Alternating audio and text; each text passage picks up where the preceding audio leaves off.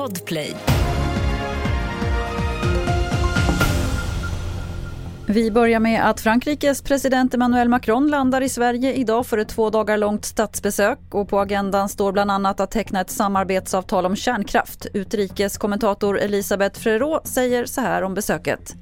Ja, det kommer skrivas under ett antal eh, dokument här. Dels handlar det om att fördjupa det här samarbetet man redan har när det gäller innovation och grön eh, omställning. Eh, det handlar om kärnkraft väldigt mycket. Frankrike är ju en ledande kärnkraftnation. De har 56 kärnkraftverk och hoppas nog lite grann på sikt sälja kärnkraft till Sverige som ju nu också vill satsa på den tekniken.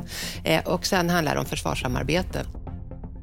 Drygt 11 000 tågavgångar har ställts in akut hittills i vinter, alltså samma dag som resan ska gå. Det visar siffror från tågstatistik.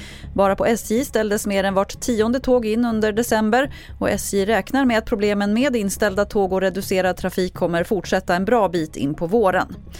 Myndigheten för samhällsskydd och beredskap, MSB, jobbar på en ny version av broschyren Om krisen eller kriget kommer, det rapporterar SR.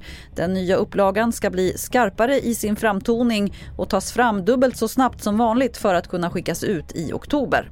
Fler nyheter finns på tv4.se. Jag heter Lotta Wall.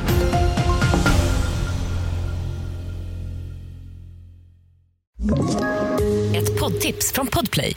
I podden Något Kaiko garanterar östgötarna Brutti och jag, Davva, dig en stor dos skratt.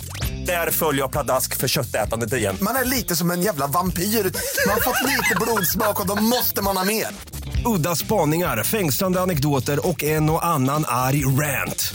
Jag måste ha mitt kaffe på morgonen för annars är jag ingen trevlig människa. Då är du ingen trevlig människa, punkt. Något Kaiko, hör du på Podplay. Därför är gardinerna.